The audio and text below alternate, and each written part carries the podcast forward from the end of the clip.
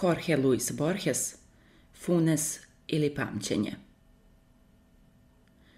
Sećam ga se. Nemam prava da izgovorim tu svetu reč. Samo jedan čovek na svetu imao je to pravo, a taj čovek je umro.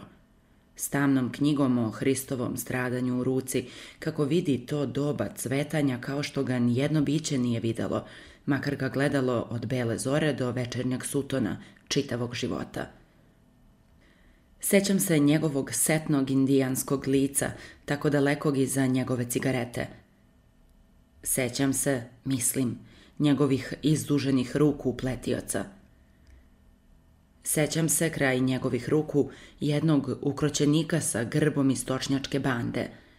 Sećam se na prozoru njegove kuće žute asure s magličastim jezerskim predelom – Jasno se sećam njegovog glasa, glasa izveštačenog, setnog i unjkavog starosedeoca sa obale, bez onih sadašnjih italijanskih šištanja.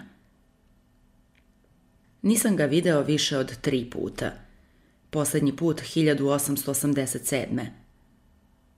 Nalazim vrlo srećnom zamisao da se zamole svi oni koji su ga posećivali da pišu o njemu – Moje svedočanstvo biće možda najkraće i bez sumnje najoskudnije, ali ne najmanje nepristrasno u knjizi koju ćete izdati.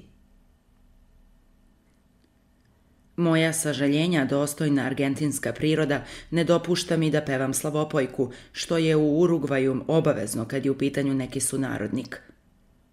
Književnik, novinar, čovek iz Buenos Airesa – Funes nije izgovorio te uvredljive reči, ali ja dobro znam da sam za njega bio oličenje tih slabosti. Pedro Leandro i Puke napisao je da je Funes bio pretečan nad ljudi, podivljali i urođenički Zaratustra. Ne upuštam se u prepirku, ali ne treba smetnuti suma da je on bio i građanin Fraj Bentosa, neizlečivo ograničen u izvesnim slučajevima –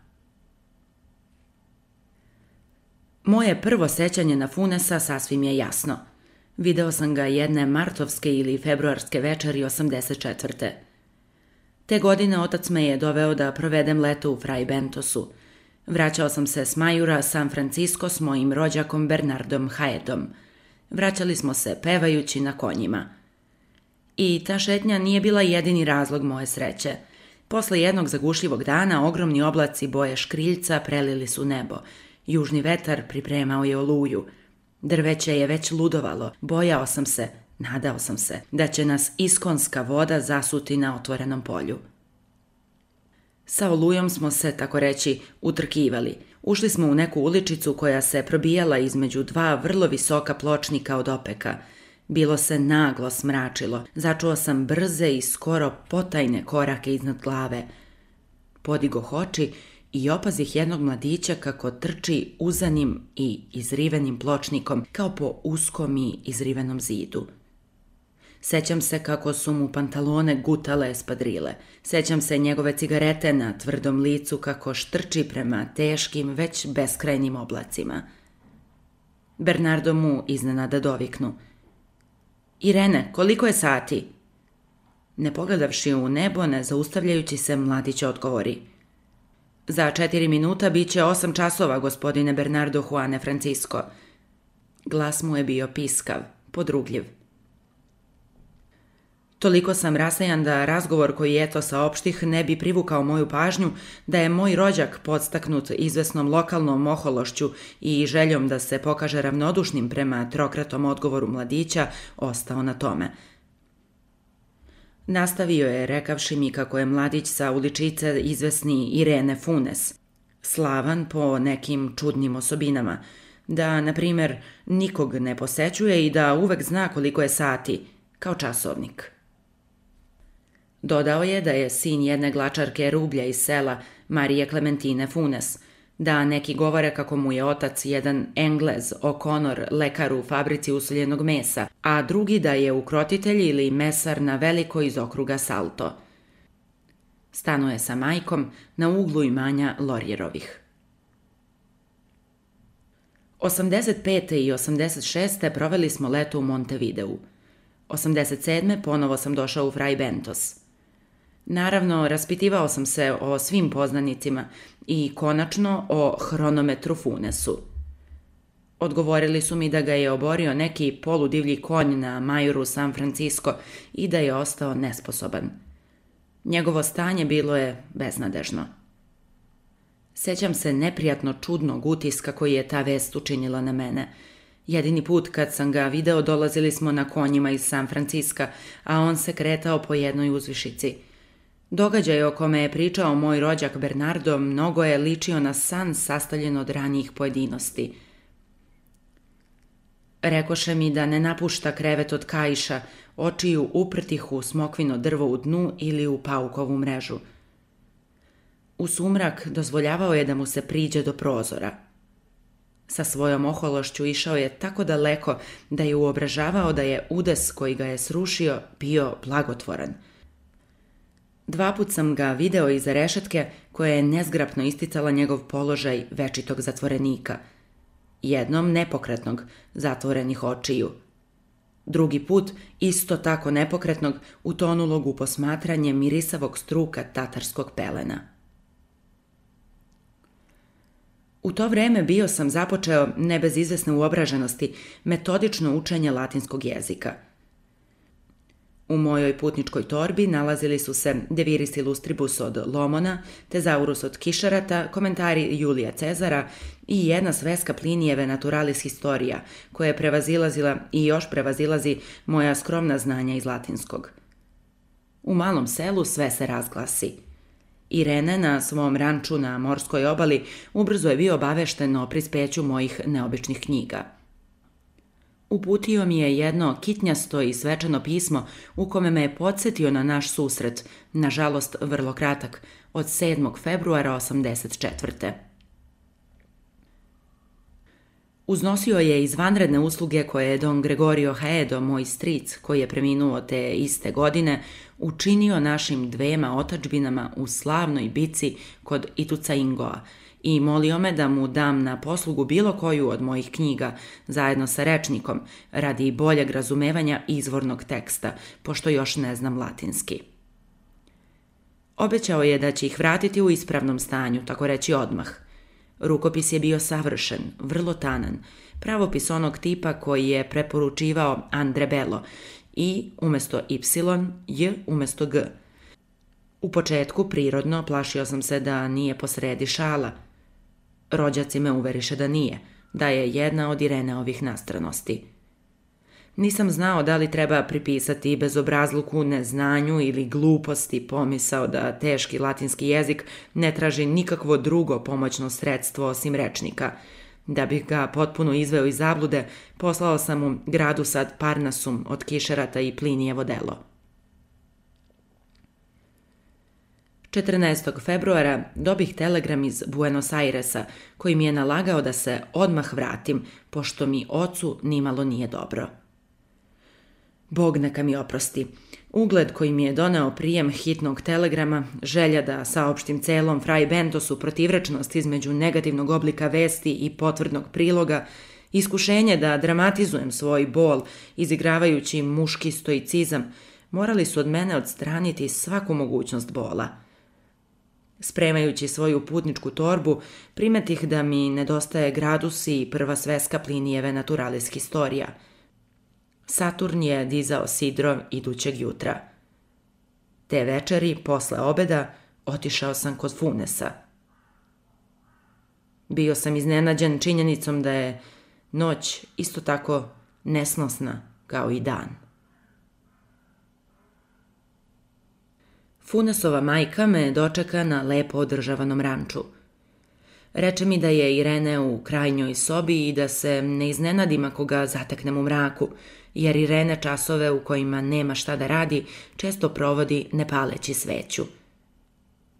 Prođoh poplučani patio, mali prolaz i stigoh u drugi patio. Tu se nalazio venac od vinove loze. Mrak mi se mogao učiniti potpunim – Na jednom čuh piskav i podrugljiv Ireneov glas.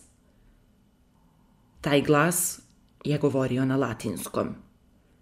Taj glas koji je dolazio iz pomrčine izgovarao je sa sumornim uživanjem neku besedu, neku molitvu ili je prizivao duhove. Rimski slogovi odjekivali su po zemljanom patiju. Činilo mi se, u zaprepašćenju u kome sam se nalazio, da su neshvatljivi, beskonačni. Zatim iz izvanrednog razgovora tokom te noći saznadog da oni sačinjavaju prvi stav 24. glave sedme knjige Naturalis Historia. Predmet te glave je pamćenje. Poslednje reči behu. Ut nihil non isdem verbis rederetur auditum. Da se ništa od onog što se čulo ne ponovi istim rečima – Bez i najmanje promene u glasu Irene mi reče da uđem. Pušio je u postelji. Čini mi se da mu nisam ugledao lice sve do zore. Čini mi se da se sećam kratkotrajnog žara s njegove cigarete. Odaja je neodređeno mirisala na vlagu. Seo sam. Ponovio sam priču o telegramu i o bolesti svog oca – Sad dolazim do najosetljivije tačke u svom izlaganju. Ono, dobro je da čitalac to odmah sazna, ima za predmet isključivo taj razgovor od pre, evo već, pola veka. Neću pokušavati da ponovim njegove reči danas nedostižne. Više volim da verodostojno sažmem onu hrpu stvari koje mi je rekao Irene – Posredan način izlaganja dovodi do zabune i slabi utisak. Svestan sam da žrtvujem neposrednost svog kazivanja. Neka moji čitaoci zamisle u svojoj uobrazilji iskidane delove složenih rečenica koje se sručiše te noći na mene. Irena je počeo nabrajanjem na latinskom i španskom slučajeva neverovatnog pamćenja sadržanih u Naturalis Historia – Kir, persijski kralj, mogao je da pozove po imenu svakog vojnika iz svoje vojske. Mitridat Eupator izricao je pravdu na 22 jezika svoga carstva. Simonid je izumeo tehniku pamćenja. Metrodor je predavao veštinu kako da se verno ponovi ono što se samo jednom čulo. Očigledno, iskreno se začudio što takvi slučajevi mogu nekog da iznenade – Reče mi da je pre onog kišnog popodneva kad je pao s konja bio ono što su hrišćani. Slep, gluv, beslovesan, zaboravan. Pokušak da ga podsjetim na njegovo osjećanje tačnog vremena, na njegovo pamćenje osobenih imenica, međutim nije me slušao. 19 godina živeo je kao u snu. Gledao je, a nije video. Slušao je, a nije čuo. Zaboravljao je sve. Skoro sve. Prilikom pada onesvestio se. Kada je došao sebi, sadašnjost, kao i najstarija i najbeznačajnija sećanja, postali su nepodnošljivi zbog punoće i jasnoće. Nešto docnije primetio sam da je nesposoban, jedva ako je obratio pažnju na tu činjenicu. Njegovo opažanje i pamćenje sad su nepogrešivi. Jednim pogledom mi opažamo tri čaše na stolu. Funes, sve izdanke, grozdove i plodove koji sačinjavaju venac. Poznavao je jutarnje oblike južnih oblaka od 30. aprila 1882. i mogao je da ih uporedi s mermernim šarama jedne knjige od španske hartije koju je pogledao samo jedan put i s linijama pene koju je podiglo veslo na Rio Negro u oči bitke kod Kvebraknoa. Ta sećanja nisu bila prosta stvar. Svaka vizuelna slika bila je vezana za nadražaje mišićne, toplotne i tako dalje. Mogao je da obnovi sve snove, sve polusnove. Dva, tri puta oživeo je ceo jedan dan – Nikad se nije dvoumio, ali svako oživljavanje zahtevalo je čitav dan. Rekao mi je, ja sam raspolažem sa više sećanja nego svi ljudi od kako je svet postao svetom. I zatim, moji snovi su kao vaša budna stanja. A onda pred zoru, moje pamćenje je, gospodine, kao gomila smeća. Obim kruga na tabli, pravougli trougao, trapez, to su oblici koje možemo potpuno da opazimo. Isto je bilo i sa Ireneom kad bi bila reč o zamršenim dlakama u repu ždrebeta, o govedima u nekoj planini, o živoj vatri i bezbrojnim iskricama pepela, o mnogostrukim licima na pokojniku tokom drugog bdenja. Ne znam koliko je zvezda video na nebu. Eto stvari koje mi je rekao. Ni tada, ni docnije nisam posumnjao u njih. U to vreme nije bilo ni kinematografa ni fonografa. Neverovatno je, međutim, i čak nepojmljivo što niko nije napravio neki ogled s Funesom. Ono što je izvesno to je da mi živimo usporavajući sve što se može usporiti. Možda smo duboko svesni da smo besmrtni i da će svaki čovek pre ili posle moći da čini sve i da zna sve. Glas Funesov nastavljao je da govori iz dubine mraka. Rekao mi je kako je oko 1886. izmislio originalan sistem brojanja i kako je za kratko vreme prešao brojku od 24.000. Nije ga zabeležio, jer ono o čemu je samo jedno mislio više mu se nije moglo izbrisati iz pamćenja – Na to istraživanje bio je, verujem, u početku naveden nezadovoljstvom izazvanim činjenicom što broj 33 u arapskim ciframa zahteva dva znaka i dve reči, umesto samo jedne i samo jednog znaka. Primenio je potom to nastrano načelo na druge brojeve. Umesto 7013 govorio je, na primer, Maksim Perez. Umesto 7014 železnica – Drugi brojevi su bili Luis Melian Lafinur, Olimar, Sumpor, Detelina, Kit, Gas, Kotao, Napoleon, Avgustin Devadija. Umesto pet godina govorio je devet. Svaka reč imala je poseban znak, neku vrstu žiga. Poslednji su bili veoma složeni. Pokušah da mu objasnim kako je ta rapsodija reči bez veze upravo suprotna sistemu brojanja – Napomenuh mu da reći 365 znači reći 360 pet jedinica. Takva analiza ne postoji u brojevima crnac Timotije ili pokrivač od puti. Funes me nije razumeo ili nije hteo da me razume. Lok je u 17. veku predložio i odbacio jedan nemogući jezik, u kome bi svaka pojedina stvar, svaki kamen, svaka ptica i svaka grana imali svoje vlastito ime. Funes je jednom smislio sličan jezik, ali ga je odbacio jer mu se činio i suviše uopšten i suviše dvosmislen – Zaista, Funes ne samo što se sećao svakog drveta u svakoj šumi, nego i svakog puta kad ih je video ili zamislio. Odlučio je da svede svaki od svojih proživljenih dana na nekih 70.000 sećanja koja bi potom obeležio brojevima. Od toga su ga odvratila dva razloga.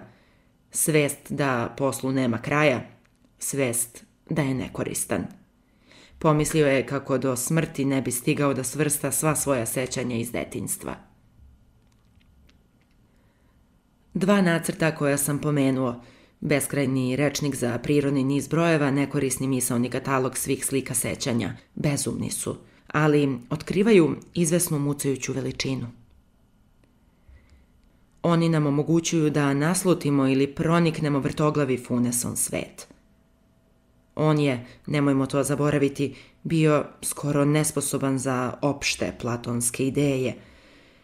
Ne samo što mu je bilo teško da shvati da opšta oznaka pas obuhvata toliki broj različitih jedinki i jedinki raznolikih oblika. Njemu je smetalo što pas u 3 časa i 14 minuta, viđen sa strane, ima isto ime kao i pas u 3 časa i četvrt, viđen s lica – njegovo sobstveno lice u ogledalu, njegove sobstvene ruke, svaki put su mu pričinjavali iznenađenje. Swift priča da je liliputanski car opažao kretanje kazaljke koja pokazuje minute.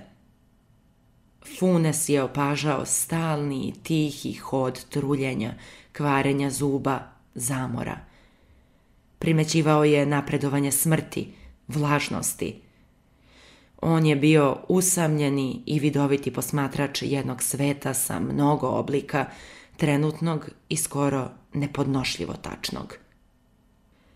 Vavilon, London i New York pritisli su u obrazilju ljudi svirepim sjajem. Niko u njihovim prenaseljenim kulama ili na njihovim užurbanim avenijama nije osetio žestinu i pritisak jedne tako neumorne stvarnosti kakva je bila ona koja se danju i noću usredsređivala na nesrećnome Ireneu, u njegovom siromašnom južnoameričkom predgrađu. Bilo mu je veoma teško da spava. Spavati znači osloboditi se sveta. Opružen u svojoj postelji, u senci, Funes je predstavljao sebi svaku pukotinu i svaki pervaz na tačno određenim zgradama koje ga okružuju – Ponavljam da je i najbeznačajnije od njegovih sećanja bilo raščlanjenije i življe nego naš osjećaj uživanja ili fizičkog bola. Prema istoku, u jednom kraju koji nije bio podeljen u blokove kuća, bilo je novih građevina, nepoznatih. Funes ih je zamišljao crne, zbijene, izgrađene od jednoobrazne pomrčine. Okretao je glavu u njihovom pravcu da bi zaspao. Imao je isto tako naviku da zamišlja sebe na dnu reke, kako ga matica njiha i uništava. Bez napora je naučio engleski, francuski, portugalski, latinski. Nisam međutim siguran da je bio osobito sposoban da misli. Misliti znači zanemarivati razlike, uopštavati, abstrahovati – U preopterećenom Funesovom svetu isključivo su postojale skoro neposredne pojedinosti. Stiljiva svetlo zore uđe kroz zemljani patio. Tada ugledah lice onog glasa koji je govorio čitavu noć. Irene je imao 19 godina. Bio je rođen 1868. Učinio mi se kao da je od bronze izliven – stariji od Egipta, drevniji od proročanstava i piramida. Pomislih kako će svaka od mojih reči, svaki od mojih stavova, ostati u njegovom neumitnom pamćenju. Ukočih se od straha da ne činim nekorisne pokrete. Irene Funes je umro 1889. od izliva krvi u plućima.